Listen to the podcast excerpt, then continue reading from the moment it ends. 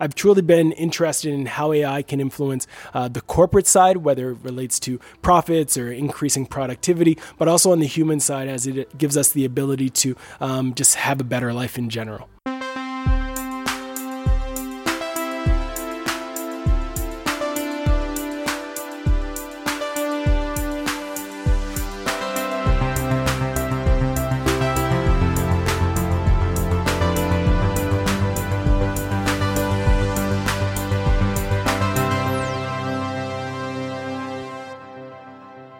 This is uh, Heja Framtiden from uh, Webbdagarna, IDG, at Stockholm Waterfront in Sweden. And I'm here with uh, Ross Simmonds. Welcome to Heja Framtiden. Thanks for having me. I'm looking forward to chatting with you. You just had a great talk uh, on main stage about how AI will uh, change our, our lives, right. basically. Would you mind uh, beginning by describing uh, you and your story? For sure. Yeah, so I'm a digital marketing strategist and entrepreneur. I run a handful of different companies, primarily um, in the marketing communication space, but I've also dabbled in the software space, building apps and software companies and things of that nature. So I'm a jack of all trades when it comes to technology, but overall, I'm a, a tech entrepreneur and uh, a marketer. And you're from uh, Canada? Yes, so I'm from a small place called Nova Scotia, Canada, on the East Coast, and uh, I'm excited to be back in Stockholm. Uh, have you been speaking here before? I have. So I did Web to Webbdagarna two years ago, um, made some great connections, some great friends, and I've been back to Stockholm multiple times since then. Oh, great. Uh, and, and, why is uh, AI such an interesting topic for you now? Yeah, so uh, I've been truly just fascinated by the opportunity that lies in AI, whether it's from a digital marketing lens all the way down to human ability. Um, I think that artificial intelligence is one of the biggest shifts in um, our generation, and over the next 10 years, we're going to continue to see the impact that it has on our lives. Sometimes we won't even see the true impact uh, because oftentimes artificial intelligence is happening behind um, the screen that we are using to interact with people, and we're not even really seeing it. So I've truly been interested in how AI can influence uh, the corporate side, whether it relates to profits or increasing productivity, but also on the human side as it gives us the ability to um, just have a better life in general. And you said that uh, AI will be augmenting us, not replacing us. What do you mean by that?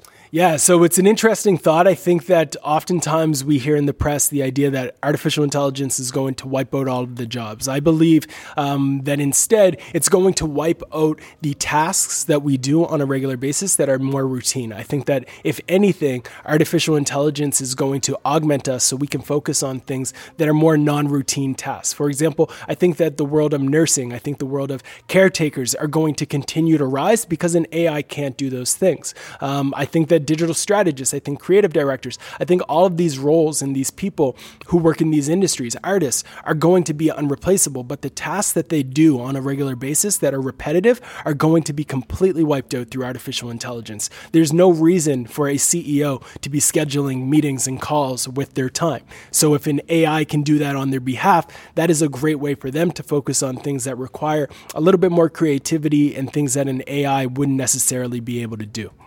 Yeah, you have a bot assistant yourself. Can you tell us about Clara? I do. So Clara is a bot that I've been using for the last few years where essentially she schedules meetings for me when somebody sends me a note and they're like, Ross, I would love to grab a coffee. I can CC my assistant Clara, who is a bot, and Clara will actually read the text and the email that that person sent me and analyze it to understand when that person is available and to offer some dates and some times. They will go back and forth directly with that person and have a full conversation. Sometimes they'll even send an emoji or two to make it seem more personal. Uh, and it just gives them the ability to um, deal with my assistant, who's actually just a robot. And at the same time, that gives me the time and the ability to focus on things that matter rather than trying to figure out what time my calendar is free. Clara can look at my calendar for me, and it's all done through AI where she can manage my calendar and make sure that I'm going to the coffee shops that I love. And you mentioned uh, Google Duplex as well, uh, which is a common example these days. Mm -hmm. But uh, you, you also mentioned restrictions already yeah. that you actually have to mention that it is a bot. Right. Do you think uh, that will um, uh, increase? I think so. I think there's a huge hesitation right now amongst uh, humans, uh, myself included, like as a human, uh, that we are still uneasy with the idea of our conversations solely being with an artificial intelligence, like an AI. I think that there's still some adoption that needs to take place. Will it happen in my lifetime? I feel like it will, but it's going to be towards the later stage. And I think that there's a lot of opportunity for people to start to accept the fact that it's good for them to just be able to communicate with an AI because that AI can move them along faster and make sure that they're getting the best service. So I do think that there will continue to be some issues just from a, a human perspective. Uh, but I think that we as a people and a species should embrace it a little bit and say, yeah, it's okay if I'm talking to an AI uh, and I can get the same services I would if I was talking to a human human because that means that human can maybe spend more time with their kids, with their spouse, and that's something that we should all be okay with. Yeah, in another episode of the podcast, uh, I think it was Christian Gutman, but he didn't mention it in the podcast. Uh, it was an example from um, a chatbot with uh, depressed teenagers, right. where they actually trusted the bot more with uh, their secrets than they would uh, parents or doctors. Wow, that's that's fascinating, and I think that's just a demonstration that not all of the AI technologies are bad. Like a lot of time, it gets a bad rap, but there are some great opportunities where you can add a human element to it, and it can truly save people's lives and help them uh, live the life that they they deserve. And you you're into the B two B segment more or less. Um, what do you see with the AI there? You talk about efficiency, performance, and opportunity. Uh, what are the main benefits that that business uh, executives can take from from uh, your session? For sure. So I think the, the biggest benefit that I would tell any B2B organization is to look for things that they have to do on a regular basis and understand that AI can assist with that. At my company, for example, we typically used to hold what we would call all hands on meetings where everybody would come to the same table and have a conversation on what their priorities are today, what they did yesterday, what their blocks were, and all of those different things. We replaced that with a bot. So now a bot actually sends a message to everybody on the team and they ask them those questions and then it reports back to a community section on our site where everybody can see what everybody is doing. And it's all done without it taking up everyone's time to be in the loop on things. So I think that a lot of B2B organizations need to embrace AI for the um, ability to improve productivity internally, but also the opportunities that extend to external efforts like marketing, communications, even accounting, where you can have a bot that's looking at your books, making sure that there's no fraud happening, that people aren't signing off on expense claims that aren't necessary. AI can facilitate all of that. Um, the key is just to ensure that you're hiring and building a team that can assist with that execution. And uh, you mentioned a couple of uh, examples of uh, use cases or um, uh, startups that are yeah. using this technology. Do, do, you think it's a fun time to be a marketer? It's a fun time to be a human. It's a fun time to be a marketer. It's all super fun because there's so much innovation happening in the space where um, I think we are truly going through one of the most interesting times to be a marketer. Uh, it's definitely still one of the hardest times as we're facing tons of um, challenges around permissions and privacy and algorithms are changing all the time. But at the same time, the opportunity to leverage technology in a way to connect closer with your customers and with your uh, the people who you want to sell to has never been better. And I think that that's a, that's an exciting thing to be a part of. You also mentioned uh, that there's never been a more interesting time to be human, right. um, and uh, that uh, today's science fiction is tomorrow's science facts. Right.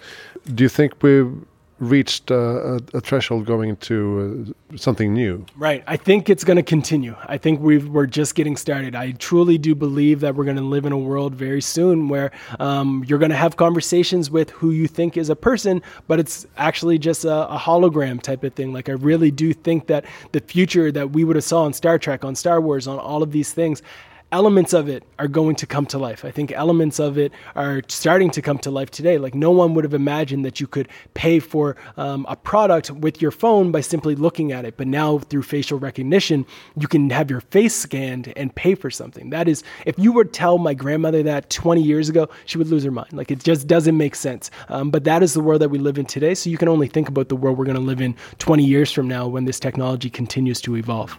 How do you think companies should uh, prepare themselves? I think the key piece uh, is to recognize, first and foremost, that they have to start doing something. Um, and that could simply be by bringing in experts to teach their team so they can start thinking differently around this approach, bringing in people who can uh, actually execute on some of these items. I think one of the biggest challenges that organizations face is finding that strategic alignment with execution. And if you can figure that out, that's where you start. You start by understanding what is our plan for AI? How can we leverage it? How can we inject it into our processes and systems? And how can we use that to truly take our organization to the next level? Mostly the AI discussion has been about basic repetitive tasks mm-hmm. uh, that will be replaced. You mentioned the law, banking, right. auditing, stuff right. like that. What about creative tasks and, and professions? Do you see uh, AI augmenting us there as well? It's going to take a long time. Uh, there was in a video of a uh, robot that essentially was given a handful of different movie scripts over the years, and it had to analyze those movie scripts and try to create its own script as a result. The script that it wrote was horrible. It was bad. You would lose your mind laughing because it was so bad. Nothing made sense. So we are very far from getting that qualitative insight from a robot. Today, it's very much a very linear process where um, the I's come in and the L's go out. Like it's very uh, linear in that sense. I think that there will be a time. I in like maybe 50 years where we start to see some non-routine jobs starting to be influenced by AI, but I don't believe we're going to see that within the next 10 or 20. I think it's going to take a lot more work. Um, but I could be I could be wrong. Like it may happen faster than I can even imagine and I would be excited for that as well, but I do think that the creative arts world still has some time before uh, it's going to be influenced by artificial intelligence to the same degree as a more routine job.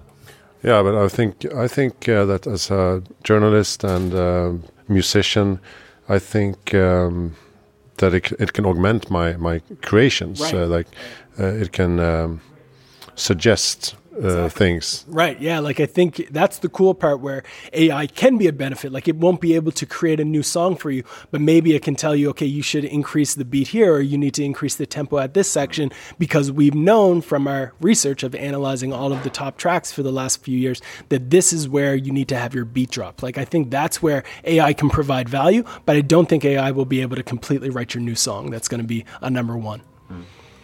Um, I usually ask. Um, your best tip to make the world a better place? Oh, great question. So my best tip for making the world a better place would be to be nice to people. Um, I think that's very simple. It's very straightforward, but a lot of times uh, we don't go into any our interactions with uh, simple, basic humanity skills of being nice. And I think if you go into your interactions as trying to be nice, it'll work out. And for organizations, uh, your last call was to embrace technology and embrace the future. Um, how do you do that on an executive level? I think the key to embrace it from an executive level is really straightforward. I mean, you have to give your team the ability to execute on these things. You have to hire the team that is going to execute on them, uh, and you have to get out of their way. Great. Do you have any uh, reading tips? Uh, so one of my favorite books is a book by Clayton Christensen uh, called "How Will You Measure Your Life." I strongly recommend that people check that out. Uh, it's one of the most influential and gifted books that I give to people. I definitely think that that's a, a must read. Okay. Who do you think I should interview? Um, great question. So there's a few people. I love the work by Steve Stoute from uh, Translation. He's an innovator um, who is a great marketing mind. Um, I think it would always be great to kind of speak to folks like, um, let me think here. Uh, what John Ivy, who was from Apple, um, anybody who's at organizations like Spotify, I think would be great to chat with as well. Uh, there's tons of innovators. You just have to kind of knock on their shoulder and get their time. Thank you so much, Ross Simmonds. Uh, check out rosssimmonds.com, right? Correct. Yeah, so definitely, definitely check out rosssimmonds.com. Um, my Twitter handle is at the coolest cool. If anybody's listening to this and would like to connect, definitely send me a tweet there or uh, reach out to me at my website, rosssimmonds.com. Always happy to chat with folks. Great, thank you so much. All you need to know about Heja Framtiden is to be found on hejaframtiden.se. My name is Christian von Essen. Thank you for listening.